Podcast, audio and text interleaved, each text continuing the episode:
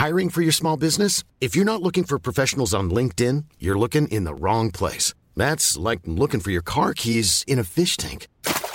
LinkedIn helps you hire professionals you can't find anywhere else, even those who aren't actively searching for a new job but might be open to the perfect role. In a given month, over 70% of LinkedIn users don't even visit other leading job sites. So start looking in the right place. With LinkedIn, you can hire professionals like a professional. Post your free job on linkedin.com slash people today. Dit is de Saar-podcast van Saar Magazine.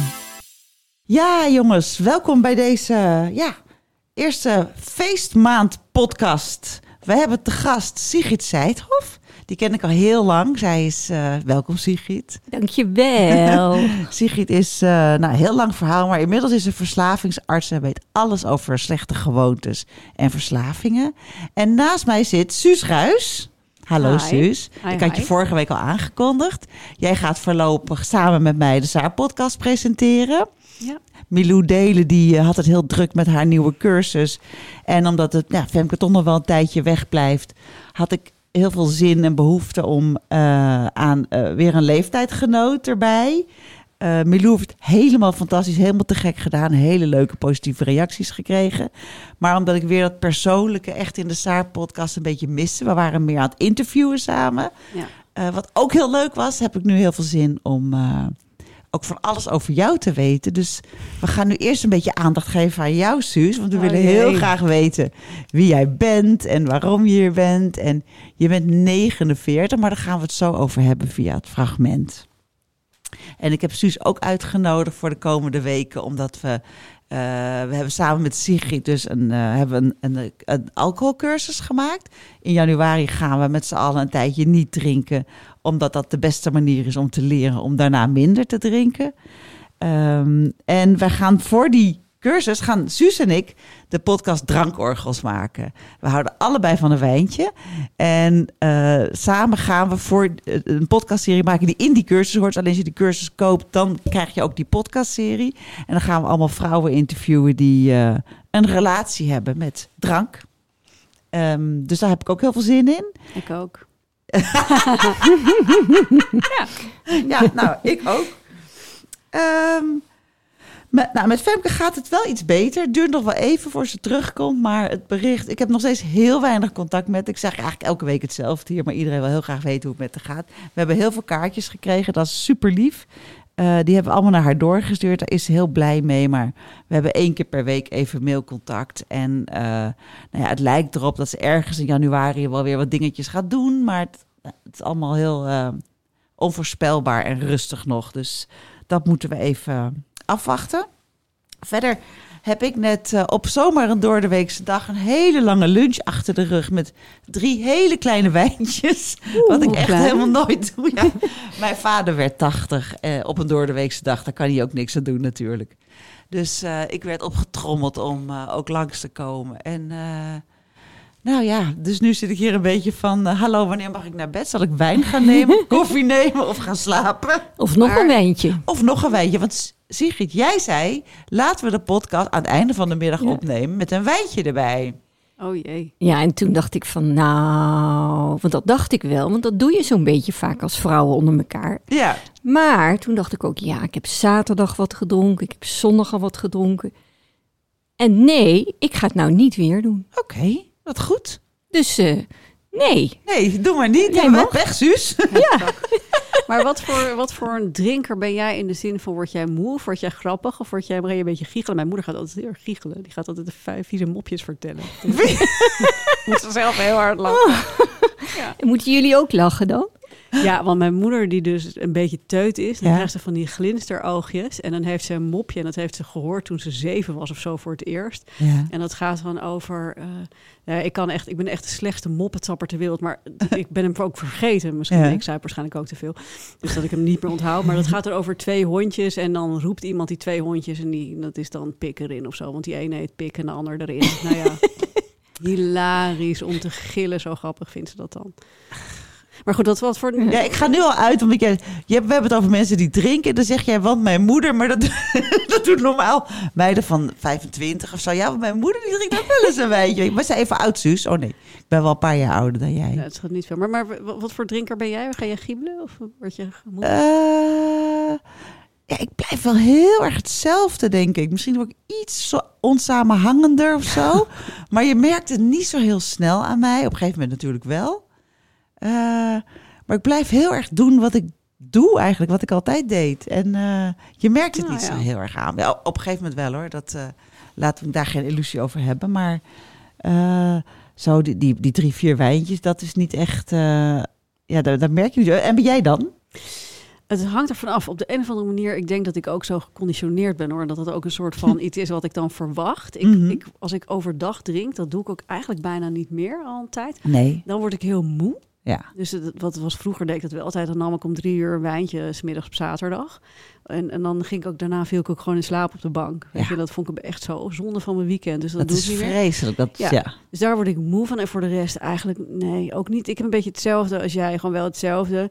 Ik krijg altijd gewoon wel rode wangen. Dus je ziet het altijd wel een beetje. Maar eh, ja, en als ik echt, echt net dat ene wij, laatste wijntje niet, ge- niet had moeten nemen... Mhm. dan ga ik appen. En dat, dat, dat moet ik voor zijn. Weet je, dan ga je eh, weet je, en op Insta dingen posten. Weet je, echt van die hele nostalgische posts over Oh. eh, ver vervlogen tijden. En, weet je, en dat, geinig. ja, en dan word ik schrik. Ik om drie uur s'nachts wakker en dan ga ik het ook allemaal verwijderen. Oh shit. Dus, ja. Maar goed, zo, zover Ja. komt het gelukkig bijna nooit meer. ja. Wat goed voor jou. Gaan we het zo ook uitgebreid over hebben. Ehm, ik las een hele leuke column van jou, Suus. Want Suus, jij bent ook columnist bij Linda. Ja. Om de week heb je een online column daar. En ehm, eh, jij schreef iets heel grappigs over grote witte HEMA-onderbroeken. Dus die wou ik maar eens gaan reten dan vandaag. Oh ja, goed idee.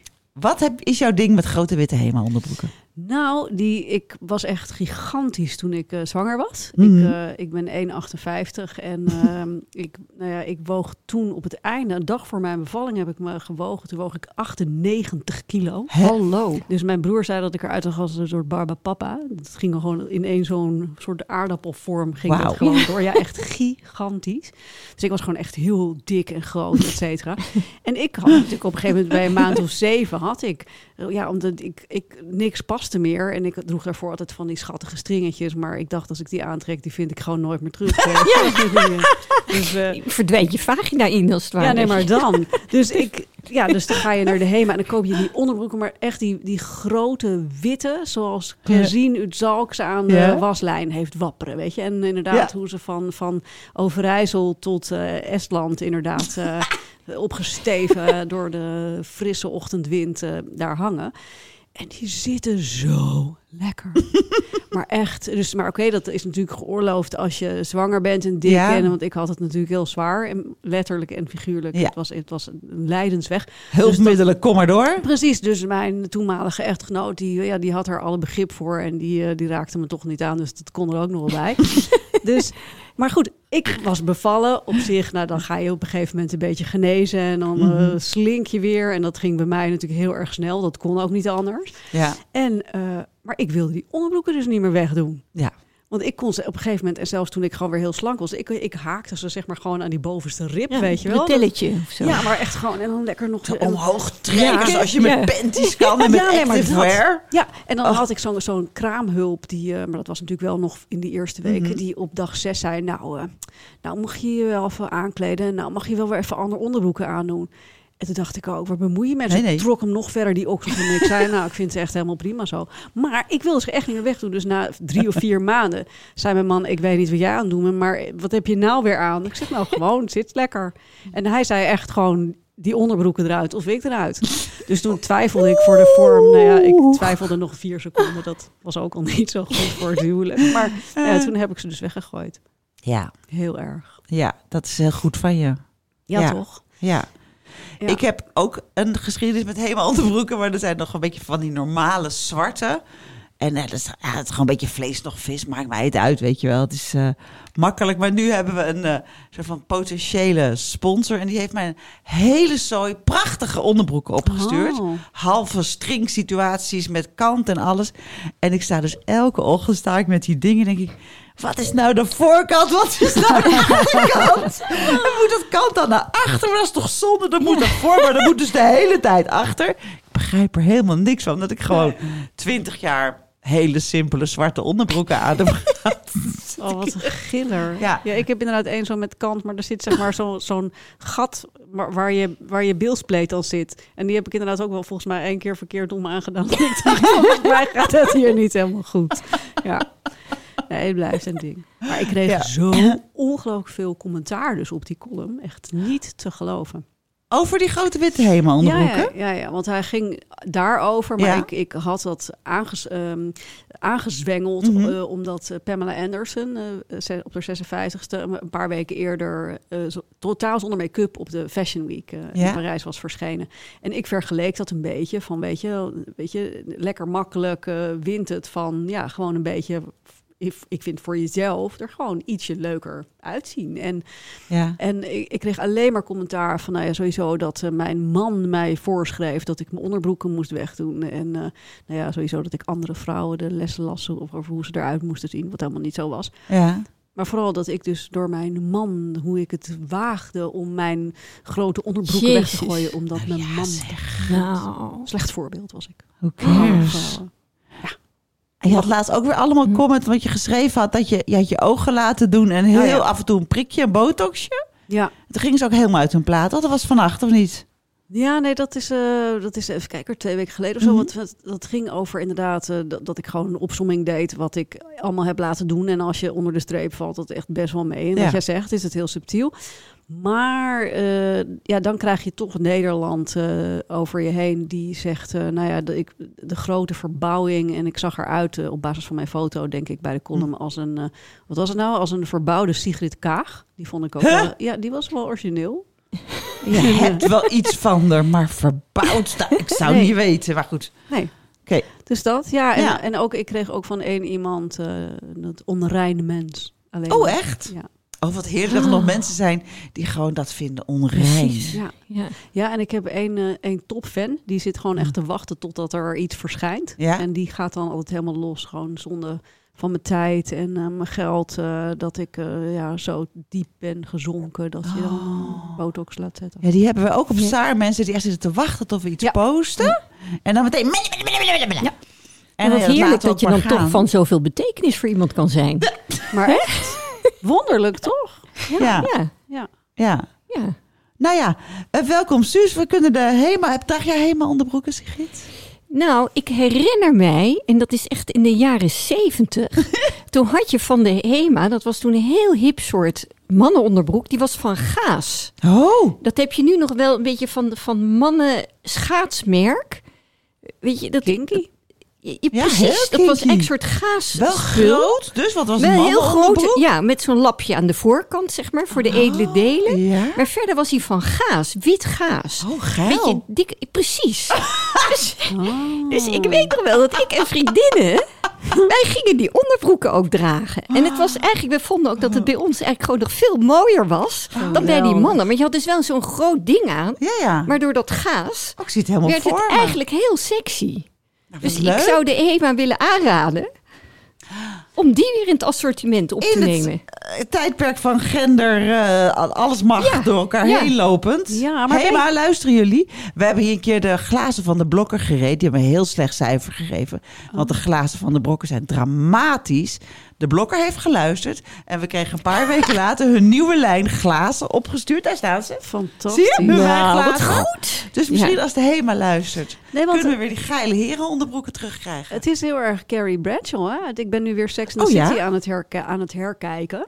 En zij draagt dus als zij slaapt, die eh, inderdaad, die gewoon wel echt die grote witte mannen onderbroeken. Maar ook Ja. wat jij zegt met dat, met dat, eh, dat lapje, zeg maar, dat vakje. Ja? En ik stond daar dus serieus eh, twee weken geleden mee in mijn hand in HEMA, omdat ik dat gewoon lachen vind om daarin te slapen. ik slaap alleen maar in mannenboxers. En toen dacht ik, misschien ook gewoon zo'n oude opa-slip.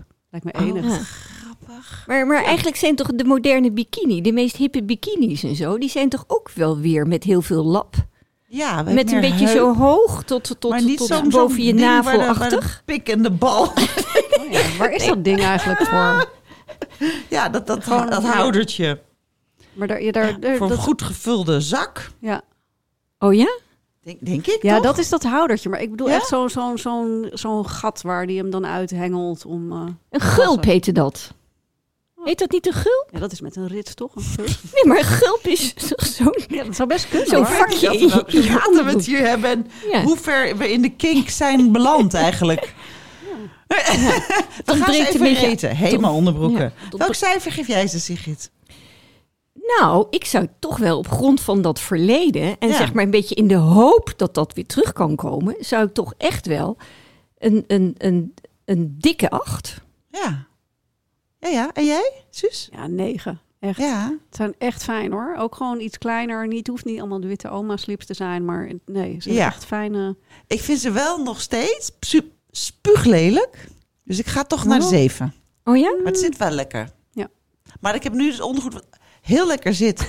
En kant heb. Ik weet alleen niet of ik de Nee. voorkant aan de juiste kant heb. Het zit redelijk. Het zit redelijk. Nou, nou goed. Ehm, dus we gemiddeld een acht, zullen we zeggen. Ja? Ja. Gemiddeld een acht. Ik ga een fragment voorlezen. En Suus, dat gaat over jou. Want we moeten jou nog een beetje leren kennen. En dat gaat als volgt. Als ik om me heen kijk naar vrouwen zoals ik die de 50 naderen, dan lijkt het als- alsof zij allemaal het ouder worden hebben omarmd. Dat ze een fantastisch leven leiden en dat dat na je 50ste alleen maar beter wordt. Alsof zij het licht hebben gezien, terwijl ik nog steeds enorm worstel. Ten eerste vind ik 50 enorm oud klinken. Ik voel me nog hetzelfde als toen ik 30 was. Ten tweede heb ik last van het lichamelijk verval dat onherroepelijk is ingezet. Verder heb ik mijn zaakjes nog steeds niet op orde, terwijl ik het gevoel heb dat ik dat wel voor elkaar zou moeten hebben. Mijn financiën, mijn huishouden, mijn gevoelsleven, mijn liefdesleven, de lijst is lang. Dus als je vraagt wie is Suus Ruis eigenlijk, dan is het eerste wat in me opkomt toch moeder van de 15-jarige Caesar, dan een tijdje niks en daarna alleenstaand, al een jaar of zes, journalist, schrijfster, grappig, ambitieus, altijd voor creatieve ideeën, beetje warrig en nog steeds op zoek naar wat ik nou precies wil in dit leven. Nou, en over half jaar word je 50 en je denkt nog steeds de hele tijd ongelooflijk. Ja, Ja. ik kan er niet aan wennen. Nee? Nee. Nee. Wa- hoe voel je dan? Waar, waar, waar denk je aan als je aan jezelf, naar jezelf kijkt? Ehm, nou ja, ik vind 50 gewoon zo mevrouwerig klinken. Dat je echt een soort van arrivé bent en volwassen moet zijn. Ja. En ik vind mezelf een soort van 28. En dan kijk ik in de spiegel en denk ik, tering, dat is niet 28. Suus. Mhm. Dus daar schrik ik ook altijd van. Ik weet, ja, ik vind het gewoon, het matcht niet met mijn eh innerwereld. Ja, dat snap ik, ja. Ja. Ja. Ja. Ik moet er even over nadenken, want ik ben al een tijdje 50. En ik denk dat ik het voor mijn 50ste ook wel had. En dat ik nu denk, ja, nou ja, oké, het klopt gewoon allemaal niet. Dus ik weet het eigenlijk ook niet. Ik heb niet echt meer verwachtingen ervan. Maar nu ben ik dan weer bezig met, oké, over zes jaar ben ik 60. Want, Nou, ja. En laatst werd ik wakker, met over 16 jaar ben ik 70. Dan piste ik bijna in mijn broek van het lachen. Ja, maar dat is toch zo ver van je bedshow Ja. als je dat denkt. Ja, 16 jaar is nog best wel ver weg. Ja, maar toch, het, het blijft gewoon belachelijk hoe je dat, eh, hoe je dat overkomt zo. Ja. Dus je had gedacht, hoe had je gedacht dat je erbij zou zitten op je vijf? Wat, welk beeld had je dan? Ehm, nou, dan woonde ik zeg maar in die grote witte villa aan de hei. Ja. Eh, met die hele dikke auto voor de deur. En er was dan wel in ieder geval dan niet lattend een, eh, een leuke tweede echtgenoot of derde echtgenoot eh, op Ja. de bank. Of eerste had ook gekund. Ja, dat had ook gekund. Ja, maar, ja, maar niet, niet met die van mij, zeg maar. Dus ja, dat hangt ervan af wanneer, je, wanneer ik dit nu had verzonnen. Ja, zeg ja, maar. precies. Wat gebeurde er met die eerste? Ja, die is, dat is mijn hele lieve, goede vriend en de Ja. vader van mijn kind, maar dat eh, niet meer mijn, eh, mijn liefdespartner. Ja. Dus eh, nee, wij zijn al, wat is het, tien jaar uit elkaar. Ja. Ja, dus En toen moest je die witte villa uit, of is die er nooit gekomen? nee, die, nee, die was er dus nog niet. Nee, precies. Nee, nee, helaas. Dus toen kon ik weer opnieuw beginnen. En nou ja, in ieder geval qua, qua werk ook. Ik bedoel, het gaat hartstikke lekker. Ik heb een superleuke carrière. En, eh, maar er zijn wel allemaal doelen waarvan ik had gedacht dat ik ze inmiddels wel een beetje had, eh, had behaald. En wat ik dan af en toe denk, ik, ik wacht dan ook nog gewoon als op mijn doorbraak als eh scenario schrijver. Ik heb wel dingen gedaan daarin en ook boeken geschreven, et cetera. Maar ik wil dan gewoon die, die Harry Potter franchise. En dan denk ik, ja, die, Die Ja. is er nog niet en die had ik dan wel nu willen hebben. Ja. En, eh, ja. Met pensioen en zo en dat Ja, soort dingen. Of denk je daar ook nog niet eens aan? Dat zou natuurlijk ook eh, waarschijnlijk niet zo te zien. Nee, ik vind het een heel eng woord. Ik zie je kijken. Ja, ik ga waar heeft die altijd- vrouw het over? Nee, nee, nee, nee, nee. Ik weet waar je het over hebt, maar ik verkies ervoor om je niet te horen nu. Pensioen, ja, nee. Ja, want je bent begonnen eigenlijk met het werken in de media, hè? Ja, klopt. Ik ehm, ben achter de schermen begonnen van de televisie. Heb ik heel Ja. lang gedaan. Eigenlijk wilde ik dat nooit. Ehm, ik heb rechten gestudeerd, maar niet afgemaakt. Ja. En ehm, ik wilde nooit achter, even achter de schermen gaan werken, omdat eh, nee, ik kom uit een televisienest. Eh, mijn vader was, eh, nou ja, voor onze generatie denk ik wel. Heel beroemd, hebben we nog niet verteld. Haar vader was Willem Ruis. En iedereen boven de 50 weet het, maar daaronder niet. Dus dat is helemaal niet erg als jullie dat niet weten. Nee. Maar we weten allemaal nog waar, die dood, waar, waar we waren toen hij overleed. Ik heb het laatst aan een aantal mensen gevraagd. en Iedereen weet het nog. bizar hè? Ja, dat is echt waar. Ja. Willem Ruis, dood. ja. Ja. Nee, en- jouw vader. Ja, Mhm. En eh, eigenlijk toch als een soort van, van afzetten tegen die jeugd. En eh, voor, willen voorkomen dat mensen denken: oh god, er heb je weer een, die moet zo nodig. Wilde ik dat niet, maar is dat eigenlijk min of meer zo gegaan. En het is, ik vind het nog steeds eh, een super gave tijd die ik daarin heb Mhm. gehad. Want het is uiteindelijk gewoon hartstikke leuk op de televisie. Ja. En, ehm, ja, en toen langzaam eigenlijk eh, ehm, ga- richting de schrijfkant gegaan. Want ik, ik kreeg toen mijn zoon Cesar. En ehm, ja, ik probeerde eigenlijk daarna langzaam weer een beetje terug te keren in die televisiewereld. Eh, misschien een dagje minder, maar eigenlijk kwam ik gewoon niet meer aan de bak. Want al die mensen die, ehm, ja, die zeiden ook van ja, maar dan kan je nooit te hard werken als je hebt gedaan. En dan moet je om vijf uur naar de crash en zo. Ah, echt? Ja. En ik zei ook altijd van nee, nee, echt niet. En ik blijf gewoon keihard werken. Ja, nou, misschien een andere keer, een ander project, et cetera. Dus dat lukte maar steeds niet. Maar ik Zo. denk, ja, ik vermoed dat het ook een soort van eh, payback is geweest, eh karmisch. Omdat eh, ik in de positie was de jaren daarvoor. Dat ik ook teams mocht samenstellen. En ik wilde nooit de moeders in mijn team, want die moesten om half vijf naar de crash. Oh. Dus ik, dat is een soort van ja, spirituele boemerang die ik terugkreeg. ja, dus dan niet. Dus toen ben ik eigenlijk langzaam gaan schrijven. En eh, Ja. voor de tijdschriften en boeken geschreven. En ja, en dat is nu, ja.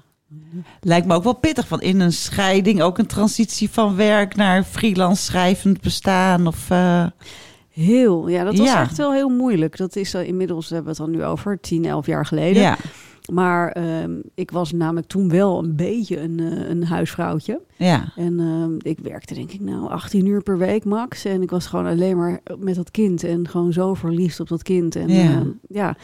En toen ging dat zeg maar belly up, dat huwelijk. En ehm, ja, toen moest ik echt aan de bak. Want Ja. ik heb ooit geleerd van Annemarie van Gaal, eh, die ik ooit Oh. interviewde. Ze zei, ja, als, eh, als je meer geld wil hebben, dan moet er of minder uit of meer erbij. ja, Ja. heel simpel, maar ik ben Ja. dat nooit vergeten. Dus ik ben gewoon als een idioot iedereen gaan bellen en mailen. En ik wil werken en eh, maakt niet uit hoeveel. En, ehm, en eigenlijk ja, is dat, is dat, dat is eigenlijk heel langzaam aan eh, gewoon eh, ja, meer dan fulltime. Maar dat was Ja. wel even, eh, ja, was wel even transitie, ja. Ja, ja, wat goed zeg. Wat een verhaal. Nou ja, Suus, ehm, welkom in deze Saar-podcast. Dankjewel. Eh we gaan de komende weken gaan we het af en toe over drank hebben. Niet de hele tijd, maar in onze aparte podcastserie Drankorgels wel.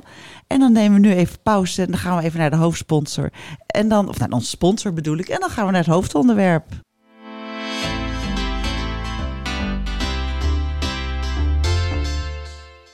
Hallo daar. Iedereen die van de Saar-podcast geniet, wil ik heel graag even laten weten dat we ook een magazine hebben. We hebben cursussen, we hebben een hele leuke website, we hebben nieuwsbrieven waar je gratis op kan abonneren. Deze podcast is ook gratis. Dat blijft die ook wat ons betreft. Maar als je er nou heel erg van geniet, neem dan een abonnement op Saar Magazine. Het is een ontzettend leuk blad.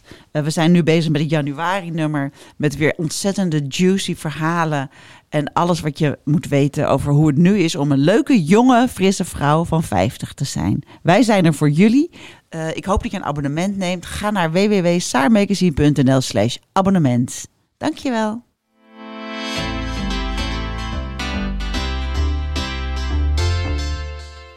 Ja, we gaan het hebben over drank. En, maar voordat we dat gaan doen, Suus, ga ik jou vragen om jezelf een glas wijn in te schenken. Maar schenk ik dan Gewoon in... alsof je thuis bent. je Oké, bent thuis. dus jullie zijn hier nu. Wij zijn er niet. Jij bent thuis. Je hebt gekookt. Je, je bent misschien alleen. Je denkt, nou, hè, hè? Oké, komt hier. Even een glaasje. Eh, oh, lekker zeg. Sigrid die kijkt dan met ja, haar. Met ja, haar. Ja, Ja, dit- dit is ik wel- zie het al. Ja, jee. nou en ik ga nu. Ik eh, zie het nou ja, we zijn zusjes, Suus. Ik zie het al. Ik zie het al. Is dit één glas, Sigrid? Sigrid wil niet. Nou, nee, ik doe het niet. Nee. Easy, easy. nou, weet je, dit gaat eigenlijk over Mhm. het volgende. Ja. Als je mensen vraagt van, hé, hey, eh, hoeveel glazen gaan er eigenlijk in een fles wijn? Ja. Wat zeggen jullie dan? Nou, een stuk of vier, vijf. ja, vijf, zes zou ik zeggen. Ja. 28. Oh. Hoeveel glazen Ja. moeten we uit de één fles halen, Sigrid? Dokter Sigrid zegt. Nou, de Gezondheidsraad, hè, Ja. die het erover heeft eh, wat nou gezond is voor ons. En Ja. die zegt, nou, je mag voor de gezondheid in Nederland één glas wijn per dag drinken en liefst twee dagen niet. Ja. Dus dat zijn er vijf. Maar dat gaat over vijf glazen van 100 milliliter. Als nou een fles wijn 750 milliliter in zich heeft en de glazen horen 100 milliliter te zijn, Mhm. hoeveel glazen gaan er dan in een fles wijn? Vrouwen? 7,5. En wat hebben wij nu, denk je, ingeschonken? Nou, dat komt in de buurt van die 4, 5, 6 jaar. Het is eigenlijk anderhalf glas. Precies. Dus eigenlijk drink je meestal al veel meer Ja. dan je eigenlijk denkt. Oké. Nou, proost aan Suus. Proost. Op deze zaterdagochtend 8 uur. Ja, kijk, het beste wat jullie kunnen doen is eigenlijk emigreren. Ah, vertel. Want Oh. als je kijkt naar... eh, hè, in Nederland is het dus die, die vijf, zeven glazen. Mhm. Maar als je kijkt naar Frankrijk, dan gaat het over hè, tien glazen wijn. Of tien eenheden mag je, mag je drinken in Oh. de week. Volgens En, hun en en die voor- eenheden zijn eh, ook groter? Nee, dat, Dat is eigenlijk allemaal hetzelfde. Oh. Maar in andere landen, ook in België, mag je ook tien per Oh. week drinken. Dus die... Ik heb die getwijfeld over België. Antwerpen is ook heel leuk, toch? ja, dus Oh. ik, dat, Zijn de huizen ook goedkoper? We gaan. ja, precies. ja. Ja. Ja. Dat zou ik doen. Oké, oh jee. Ja, en dan krijg je geen kanker van eh Maar dat vind ik dus ook zo wonderlijk. Mijn, mijn ouders hebben heel lang een, eh, een eh, huis gehad in de Provence. Echt perfecte wijnregio. Echt rosé. Och, Ah. niet, ik ging ook altijd wijn hoppen gewoon naar al die kastelen. Dat vind ik ook gewoon echt leuk. Maar daar is het ook echt heel normaal. Als jij zegt inderdaad tien eenheden zijn daar eh, toegestaan zeg maar, van de Gezondheidsraad. Dat als wij daar dan naar de markt gingen s ochtends, dan was het ook normaal dat je, dat je gewoon een rozeetje nam. Als je dan... Die tien eenheden waren niet per dag, hè? Die tien eenheden. Oh, niet. Oh. Nee, maar super kleine, super kleine glaasjes zijn dat heel klein. En dan Ja. zo'n klein glaasje rosé. En dat Ja. kostte dan echt 1,10 euro. Ja. Maar dat is gewoon, het, het, ze gaan daar gewoon zo anders om met, al- met alcohol. Als je gewoon hier in, nou ja, misschien Amsterdam is niet, niet het goede voorbeeld, maar gewoon ergens in Nederland. Ja, je gaat 's ochtends naar, eh, even naar de CNA op zaterdag. Dan zie je niet op om tien uur 's ochtends iemand, eh, als, je, als je geen toerist bent, met een wijntje of een biertje, toch? Nee. Nee. Nee. Nee. En op zich zou dat voor mij ook niet echt hoeven.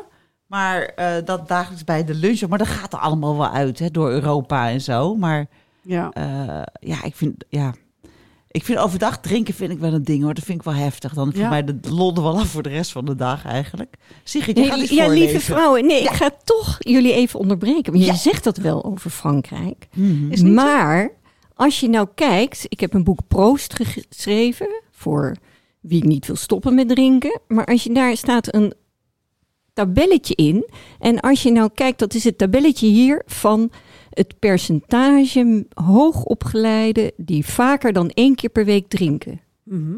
Er is hier één streepje wat eruit springt. En dat is het streepje Nederland. Nee, doe normaal.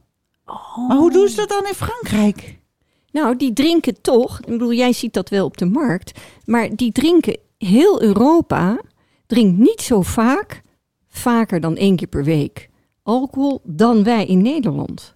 Die zag ik nou echt niet aankomen. Ik ga hem nog een Nee. beetje, ik ga hem nog een beetje erger maken. Ja. Dus, dat, de, dus, dus hoogopgeleid, dat, dat, dat is us al. Ja, ja. Maar ik ga hem nog wat erger maken. Als je nou kijkt naar eh, hoe er in Nederland, het, waar waar er in Nederland het meest gedronken wordt. Ja. Je kijkt naar de mannen, heb ik ook een, een, tekeningetje van in dat boek van mij.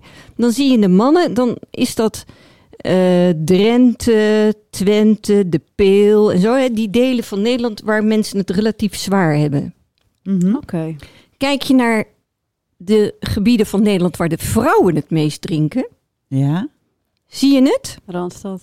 Hilversum, nee, ja. Hilversum. Hilversum, Amsterdam Klopt wel. en, en, en, en, en Haarlem-achtig. Oh, Dus, Precies waar jouw verslavingsklinieken gehuisvest zijn. slim. en Groningen. Precies waar ze geen Ja, wilden ja. stemmen, daar zuipen ze Ja, het ja. meest. Nou ja, maar je, je kan er lollig over doen. Maar het wil dus Mm. wel zeggen dat wij hoger opgeleide vrouwen in Nederland... wij drinken meer dan wie dan ook Ja. Maar waarom is dat? ja. in Nederland.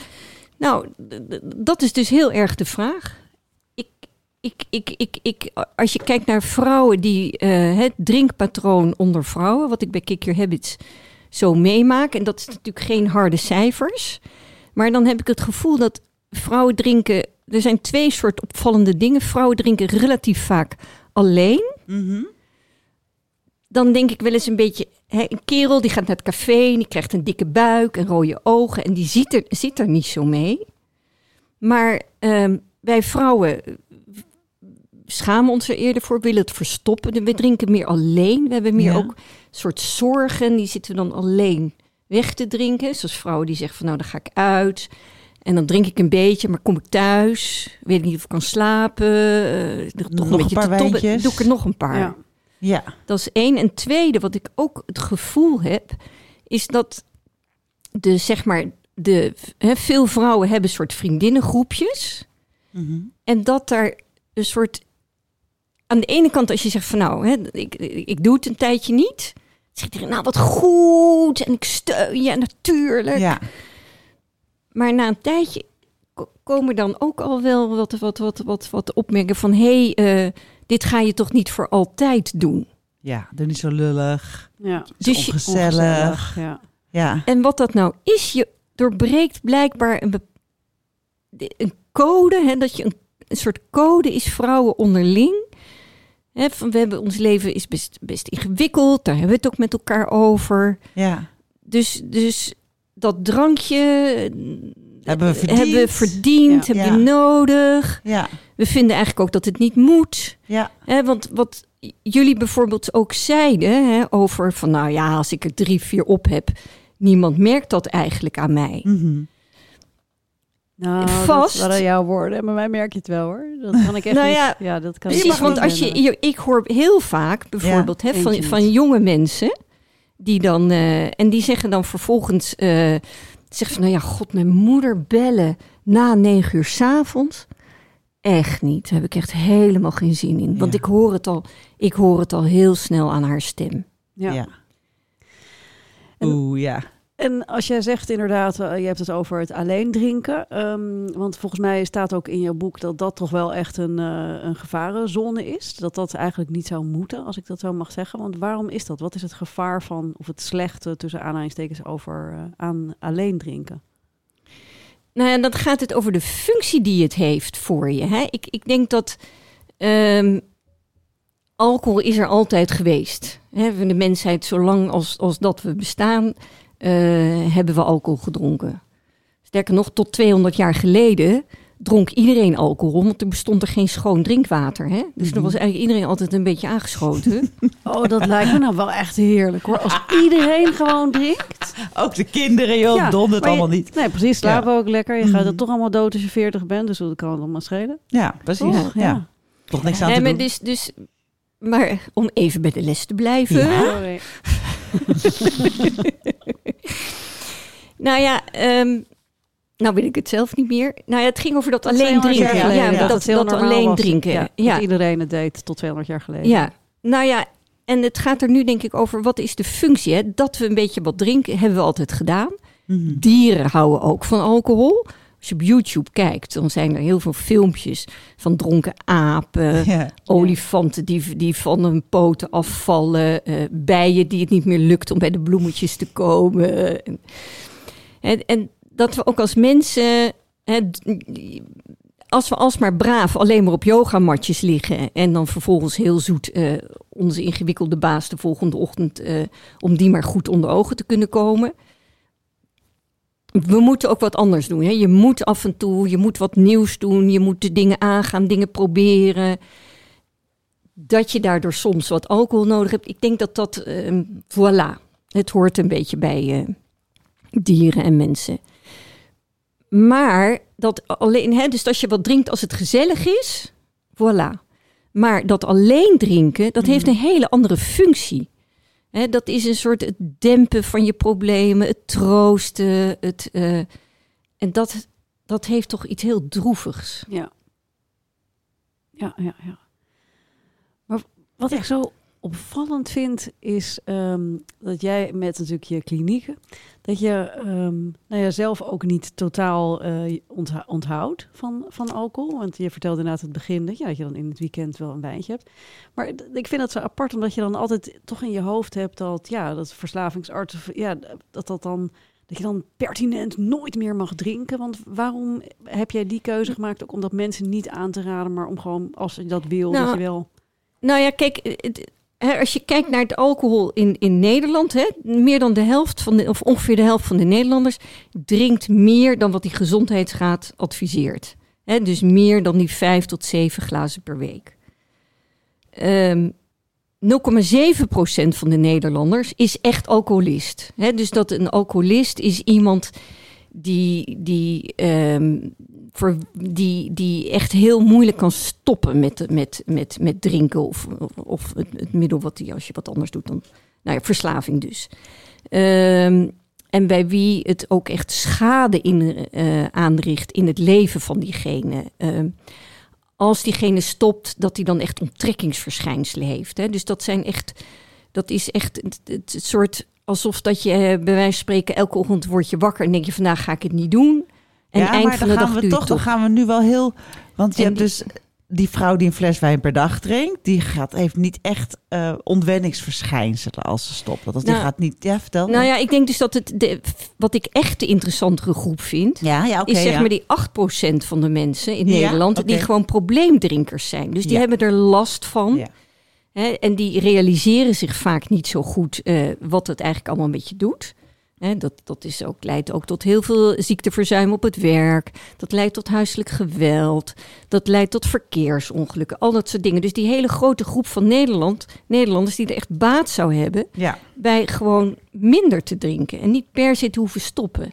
En die mensen heb ik met dat boek ook. En daarom vind ik die cursus ook zo ontzettend leuk. Ja. Omdat je realiseert je niet, hè, als je nog een drinkend, hè, regelmatig drinkend iemand bent, wat het je brengt als je daar wat aan doet. Ja. En twee hele belangrijke, want ik ga, wil ik eigenlijk, Ja. waarom ik echt ook vind dat mensen aan die cursus mee moeten doen. En ik ga hier niet uitleggen hoe dat dan in je hersenen zit. Maar iemand die je drinkt omdat je denkt, eh, daar gaat mijn angst en paniek gaat weg. Hè? Je, je voelt je rottige stress, je drinkt wat en het is weg. Maar als je uitzoomt, is het zo dat regelmatig drinken leidt tot juist meer stress, paniek en angst. Ja. Dat snapt niemand of dat voel je niet van jezelf, maar dat is wat iedereen die minder gaat drinken merkt. Ja. Het tweede is dat hè, door alcohol krijg je van die dopamines, hè, die, die maken je hersenen aan. Nou, dat, dat, vinden we, dat, dat willen we ook als mensen. Je wil je fijn voelen. Maar als je een beetje regelmatig gewend bent om te drinken, ehm, dan heeft je lichaam als het ware raakt zo, je hersenen raken zo gespitst op die alcohol, dat je eigenlijk van iets leuks minder ervaart dan iemand die niet regelmatig drinkt. Omdat je van nature minder dopamine Ja, aanmaakt. Want precies. die hersenen denken, Ja, moet die alcohol maar gaan doen Precies, die alcohol moet Ja. erbij komen Ja, en dan ja. voel ik pas wat. Ja, ja. En dus de normale dopamine aanmaak, die wordt minder. Ja. Oké. En eigenlijk vind, vind ik dat eigenlijk, zijn dat twee zulke Ja. zware redenen. Dus Ja. als je iets doet aan die alcohol, verander je als het ware echt ook je hersenen. Je verandert substantieel dingen aan je leven. Maar je zegt niet, eh, onthoud je volledig van alcohol. Je zegt wel, je mag wel uiteindelijk na die cursus, want ik begreep wel dat je dus eerst 66 dagen geloof ik niet drinkt of een maand Nou, niet. Of, Weet je waar het om gaat? Het, het, het zegt dat als je echt wil veranderen, is het niet zomaar gebeurd. Maar het Nee. duurt ook geen eeuwigheid. Maar het gaat erom dat je echt een tijdje heel bewust van gaat worden ja. hoe het leven is als je niet drinkt. Daar Ja. gaat het om. En dat je dat echt gaat snappen en gaat voelen. En dat gaat ook over die neuroplasticiteit, dat je andere dingen gaat ervaren, precies. waardoor je, ja, En ook echte andere paadjes in je brein worden, worden Aangelegd, ingesleten. Hè? Weet je, als je, als je ergens door het bos een wandeling maakt en je bent de eerste die een paadje maakt. Hè, dan, moet je, dan, dan loop je ergens. Maar naarmate je vaker dat paadje loopt, raakt daar een ingesleten pad. ja, En dat is iemand die regelmatig drinkt, heeft bepaalde paden enorm ingesleten. En je moet jezelf gaan oefenen in het inslijten van andere paadjes in Ja, je hersenen. die zijn moeilijker. Je moet over boomstammen heen klimmen en door struiken Het is- heen. Ja, en- het is, wer, Ja. het is wat werk, maar Ja. je wordt ook heel snel, eh, voel, je, voel je gewoon beter. Ik hoor zo vaak al heel snel dat mensen zeggen, ja, weet je, ik slaap wat moeilijker nu in het begin dat ik niet meer drink. Maar ik merk al heel snel dat ik overdag gewoon helderder ben. Ja. Ik heb meer Ja. tijd. Ik heb meer tijd, Ja. ben helderder. ja. Ja. Ja. Maar jij vertelde inderdaad over eh, het verslaving, eh, de, het percentage mensen dat echt verslaafd is aan alcohol en over probleemdrinkers. Maar want ik, ik begrijp inderdaad eh, wat het criterium is voor een echte verslaafde, dat het echt problemen oplevert in je, in je leven. Maar wanneer ben je dan een probleemdrinker? Wat is het criterium daar? Dat je het niet in de gaten hebt, maar dat het wel problemen oplevert? Of? Ja, het, het zijn glijdende schalen. Ja, Ik denk dat als een probleemdrinker flink dooroefent met, met drinken, ja, dan word je verslaafd. ja, En ik denk dat je gaat merken, als je er iets aan gaat doen, ga je merken waar jij zit, zeg maar, hè, in die wat glijdende schaal. Hè. Of, het je, of het je inderdaad eh, wat brengt, of het je heel veel moeite kost om minder te drinken. Hè, ik zit nu nou bijvoorbeeld en ik drink gewoon een glaasje water en ik zie het daar staan. En als ik zelf was gaan drinken nu, had ik na één glas graag nog eentje gewild. ja. Hè, want zo is het ook. Maar nu eh, denk ik, nou, I'm fine. Ik vind het prima zo. Ik drink gewoon water. Jullie staan, ze liggen daar, zitten daar met die enorme bellen. Ja, en wat ik zo mooi vind aan jou, jij bent heel lang, we hebben je totaal niet geïntroduceerd nog. Je bent heel lang huisarts geweest, huisartsenpraktijk gehad. Daarna heb je Kick Your Habits opgericht, een, een kliniek voor allerlei soorten verslavingen in Amsterdam, Utrecht, Haarlem en Groningen. Nee, nu. niet, niet Haarlem. Oh, sorry. Ja. Ehm, eh, maar dat heb je gedaan, want je als huisarts kwamen er vrouwen binnen met vage klachten, waarvan je achteraf dacht, of gaandeweg dacht, hé, hey, misschien is alcohol daar wel de oorzaak van. Ja, zeker. Want Ja. Als, je, als je gewoon naar de statistieken kijkt, hè, Mhm. van de top 10 klachten waar mensen, zeker ook vrouwen, bij, bij de huisarts komen, dan is de helft daarvan, op zijn minst, kan iets met alcohol te maken hebben. Ja. shocking. Ja. Ja, en dat gaat over stress, relatieproblemen, hoofdpijn, eh, buikpijn, kanker. Ja. Hè, dat zijn echt Ja. heel veel dingen. Dus we, we bena met de manier waarop we ons leven organiseren, een soort kopingsmechanisme als vrouwen, hoogopgeleide vrouwen hier, Mhm. ehm, hoe we dat ingericht hebben, doen we onszelf ook heel veel kwaad. Ja. Ja. En waarom zouden het nou juist de hoogopgeleide vrouwen zijn die eh, in die 8% zitten? Nou ja, jij bent van Saar. Ja. Daar heb jij weer voor doorgeleerd. Ja, ja, ja, ja, ja. Ja, god, ja. Er wordt zoveel van ons verwacht, eh, zowel thuis als eh, op het werk. En dan komt ook de overgang er nog eens bij. En nou ja, ik Ja. heb het gewoon heel lang gebruikt als... Ik heb het heel lang niet doorgehad als eindelijk ontspannen, eindelijk iets voor mij. Het altijd maar bezig overdag met werken, bedrijf, collega's, deadlines, bla bla bla. En dan thuiskomen, koken, kinderen, huiswerk, man. En dan op een gegeven moment zo van, hè? En nou is het mooi geweest, nu even dat glas wijn voor mij. Was voor mij altijd Ja. wel echt een eh, heel groot houvast van Ja. om vijf, zes uur thuiskomen. En ook met kleine kinderen. En ik was heel vaak alleen. Mijn man die toerde veel. Van, Oké, oké, nou ik heb nu de ene shit zooi achter de rug. En nu de volgende shit zooi in. Maar nu even als buffer dat glas wijn. Ja. Dat was voor mij, dat heeft eigenlijk niks met hoogopgeleidheid te maken trouwens. Dat maakt helemaal niet uit. Maar Nee, maar goed, misschien wordt er wel, eh, ik weet niet of ik dat mag zeggen, maar er wordt natuurlijk wel, als je hoog, opleid, eh, hoog opgeleid bent, dan heb je natuurlijk vaak ook een baan die wel misschien wat meer eist. Gewoon weet van je hoofd. Ja, Ja. denk ik. Of Ik heb ook nou heel lang vreselijk? gedacht, dat hoofd wat zo druk is, dat moest met dat glas wijn even zo pff, Ja. even stilleggen, weet je. Ja. En dan kon ik ook weer gewoon door de rust hebben om de kinderen in bed te leggen, voor te lezen, alles weer te doen, weet je. Alsof van, nou, oké, maar eerst moest ik even die... pff, Maar weet je wat het Ja. voor mij was? Ik herken het echt heel erg wat Ja. je zegt. Maar ik eh, begin later met drinken. Ik doe het zeg maar, weet je, kwart over acht, half negen. ja, Want dan is zeg maar, nou ja, want dan is, eh, is het kind, nou ja, vroeger was het dan in bed. Nu is Ja, hij dan precies, gewoon ja. klaar met. heb ik ook eerder gedaan, ja. Ja. maar dit was ook een fase ergens, ja. En dan, weet je, hond is uit geweest, eh, vaatwasser ingeruimd, huis opgeruimd, werk is klaar. En ik heb heel erg het gevoel dat ik de hele dag aansta. Ja. Ik krijg de hele dag mail, iedereen wil wat van me inderdaad. Dat is dat hele dag getrek Mm. en dat is dan het ene moment dat ik even uit mag. En zo voelt dat wel. ja. Dat ik niet alert op, op die hyperfocus, op, Ja. op stress en op wat... Ja. ja. Maar weet je wat het idiote is, wat we bij Kick Your Habits altijd merken? Hè? Van die inderdaad overdag heel erg hard werkende mensen, die gaan s'avonds wat drinken Ja. en dan ontspan je. En dan zeggen ze op een gegeven moment, gaan ze dat dus dan een tijdje niet doen. En weet je wat ze dan zeggen? Zeggen ze, maar Sigrid, wat moet ik nou s'avonds gaan doen? ja. En dat is een, een, een. En dan gaan we achterover zitten en zeggen we. Het is toch een idioot leven wat je dan eigenlijk leidt. Hè? Je, Mhm. Overdag sloof je je uit, maar de hele tijd sta je aan, wat jij zegt, Suus. En s'avonds, als je dan niet drinkt, weet je eigenlijk niet wat je, wat je moet doen.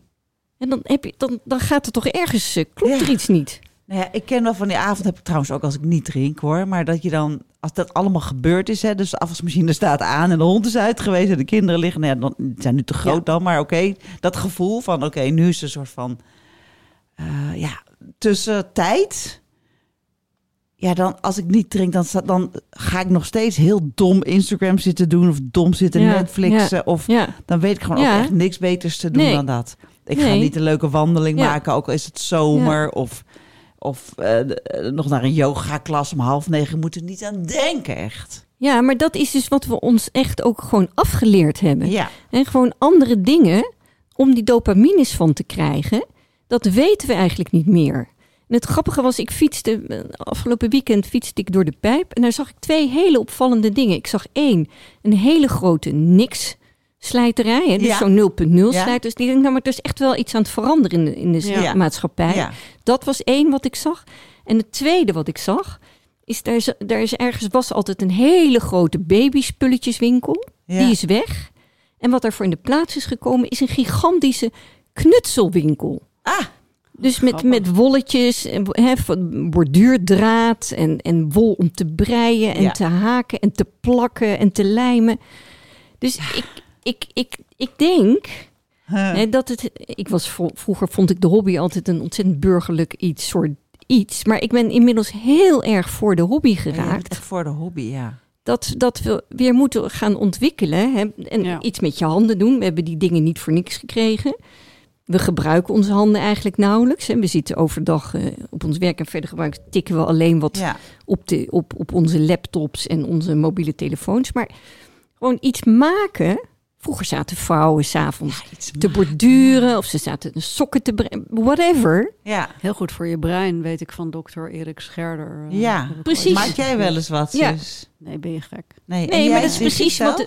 Nou, ik krijg dus nu een, een, een, een klein kindje. Ja, ja, ja. Oh, Dus ja. ik heb nou van een vriendin, ben ik aan het leren om dan een soort rompertje, met een soort hele kleine Oh. kruissteekjes een randje van dat rompertje te borduren. Oh, dat is Leuk. En dan, eh, ik ben nog niet begonnen, ik weet niet of ik het kan, maar het lijkt, ik kan me voorstellen dat dat heel fijn is om te doen. Ja, En het is inderdaad ook wat Scherder zegt. Ja, ja. Als we dingen met onze handen doen, dat maakt al die paadjes in onze hersenen, Ja.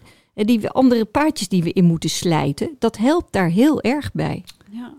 Ja, je ziet ook mensen met die kleurplaten en zo. En je denkt, Ja. oh my god, wat- ik voel zoveel verzet tegen een kleurplaat of Ja, een ik kruiswoordpuzzel of zo. Ja. Maar goed, lezen mag ook, toch? Lezen mag ook, Lezen mag ook. Dat vind ik dan wel heel leuk in plaats van Netflix. Nee, ik ook. Dan ga ik al die Crowns dan wel in een boekvorm lezen. Alles over Diana in een boek. Oh, ja. Oh, heerlijk. Dronk die eigenlijk? Diana, dat denk ik haast niet. Nee, niet in, nee, niet in de, nee, niet in de serie. Nee, Niet in Nee. de serie, nee. die spuugde meer. ja, die spuugt Ja. meer. Die Nee, spoog. precies. Spoog. Ja, ja. Spoog. Ja. Maar goed, dan ga ik nog heel even vertellen over de cursus, jongens. Want we, je kan hem dus nu kopen. Moet je kijken, saarmagazine-cursussen.nl slash een frisse start. Eh, minder drinken in vier weken. Wat we gaan doen, de eerste week van januari, die valt heel raar. Want oud en nieuw is op een zondagavond. Dus nou ja, die hele week zijn ook nog schoolvakanties en zo. Ja. Doen we gewoon voorbereidingsweek. Mag je gewoon nog lekker doorborrelen. Doe het rustig. Ga, ga naar je feestje. En dan zondag 7 januari gaan we om 4 uur livestreamen met z'n allen. Kunnen nog één keer het glas heffen. En dan is het even klaar. Maar dan heb je gewoon de tijd om eh, leuk een beetje je keuken uit te mesten. En de kombucha-drankjes in huis te halen. Eh, of de appelsapjes waar je zin in hebt. En ik kan ook alvast je goed inlezen op wat eigenlijk alcohol allemaal met je doet. En waarom het goed is om te stoppen. Nou, en dan gaan we vier weken met z'n allen stoppen. En dan gaan we in die tijd ook leren, volgens jouw specifieke gouden regels, Sigrid. Hoe je weer opnieuw kan gaan drinken en gecontroleerd. En aan welke regels je je in ieder geval in het begin echt moet houden. Daarna gaat het hopelijk je wat natuurlijker af. Maar nou, dat is wat we met z'n allen gaan doen in januari. En met Suus Ruis ga ik dus de podcastserie Drankorgels maken. Die krijg je er ook bij. Alleen als je meedoet aan de cursus. En ehm, nou, dan wil ik je heel erg bedanken, Sigrid, voor deze ehm, fijne toelichting. En Suus voor jouw introductie. Gaan we het nog over graniolen hebben? Tuurlijk. Word jij wel eens gegraniold, Suus? Nog niet, heb ik het idee. Of ik ben gewoon in fucking Je bent nog geen denial. 50? Nee, dat. Maar ik denk misschien... Ja, ik word natuurlijk gewoon dagelijks gegranieeld door mijn kind. Maar dat hoort er denk ik bij. Ja. Ja, ik heb namelijk vorige week ontdekt dat als je op je touchpad van je, ehm, van je laptop... als je met twee vingers doet, dat die gewoon die hele bladzijde naar beneden doet. Ja. En dat eh, heb ik vorige week geleerd. 49 oh my jaar. god. Ja, dus dat vond mijn zoon natuurlijk wel een beetje eh, awkward. Ja. Dat ik dat niet wil zeggen. Maar ik, tot mijn schaamte heb ik zelf gegranieeld. Oh, wat heb je gedaan? Ja, mijn, mijn moeder die had zichzelf uit de, uit de familiegroepsapp eh gearchiveerd. En na drie keer uitgelegd te hebben hoe, dat, hoe ze dat moest oplossen, was ik een klein beetje geïrriteerd in de groepsapp. Omdat mijn zus uit Zuid-Korea begon zich er ook tegenaan te bemoeien. En die Oh. zei, ja, kan iemand dat er dan even uitleggen? Toen zei ik, dat heb ik al drie keer uitgelegd. En ik was natuurlijk heel erg aan het zuchten en steunen virtueel. En eigenlijk vond ik dat niet zo netjes. Want mijn moeder, die, ik vind het hartstikke cool dat ze gewoon überhaupt appt Ja, met haar 81. Dus precies. ik zal niet meer graniolen, sorry. Nee. Nou goed, en jij hebt jij nog eh, gruwelijke ervaringen gehad, Sigrid? Nou, ik heb er eigenlijk elke dag. en dat is namelijk ehm, als ik zonder mijn lenzen in in de spiegel kijk, Ja. dan denk ik altijd, nou, gaat hartstikke. Je ziet er bij- best nog wel heel leuk en jong en leuk uit. Dan doe ik die bril op en dan denk ik, mijn heer, dit is verschrikkelijk. Dan moet je een nieuwe spiegel. Ja. Echt waar. En weet je, ik heb er nog één. En Ja. dat is, ik, ik heb enigszins last van dat spelletje solitair op mijn telefoon. Hè, dat is eh, wat, wat ik speel. Spelen te vaak moet ik niet doen. en daar krijg ik altijd reclames Ja. van die enorme 50-plus oude mensreclames. nee. Weet je wel, van, van zo'n hele Die fijne sta op, ja, sta op stoelen, Ja. eh, incontinentieluiers. eh, Zakliften. godsamme. Ja. Oh, ja, nee, dat is echt Dat is- vreselijk. ja, dat is wel Ja, heel naar. Ja. En jij? Eh, nou, laatste tijd niet, maar vaak genoeg wel hoor. Ik heb al heel veel eh, beschamende verhalen in deze podcast verteld. Maar wat laatst hadden we in de appgroep van kantoor... was er iemand geweest, een Saarlezeres nota bene... die had gezegd, leuk onderwerp voor Saar, uitroepteken. En toen kregen we in dit en dit eh, huis wonen senioren bij elkaar. Oh. Dus vanaf 55. Misschien is dit ook leuk voor Barbara. Die, die- Oh my god. dus ik zei tegen Thomas, we moeten in een seniorenwoning, want we zijn al bijna 55. Hij is al 55. Mijn Dus hemel. ja, dat blijft gewoon, eh, dat blijft gewoon bizar hoe je eh, nou ja, geframed wordt als eh, gewoon oké, 55 plus. Maar je hebt ook seniorenwoningen voor 45 plus. Hè? Dat vind ik een soort van kuikentjes. Maar echt? Vrouwen van 45. en die, kun- die moeten nu al in zo'n Ja. huis met een lift en alles. Jezus, en, ja, nou Ongelooflijk. het is natuurlijk allemaal, gaat over, allemaal over geld, maar oké, prima. Jongens, ik vond het leuk. Dankjewel, Sigrid. Ik heb heel veel zin. We gaan ook uh, nou ja, uh, samen livestreamen, die cursus doen. En Suus, welkom in de Staartpodcast. Dankjewel. Tot de volgende oh, keer. Dankjewel. Doei. Proost. Proost. Proost.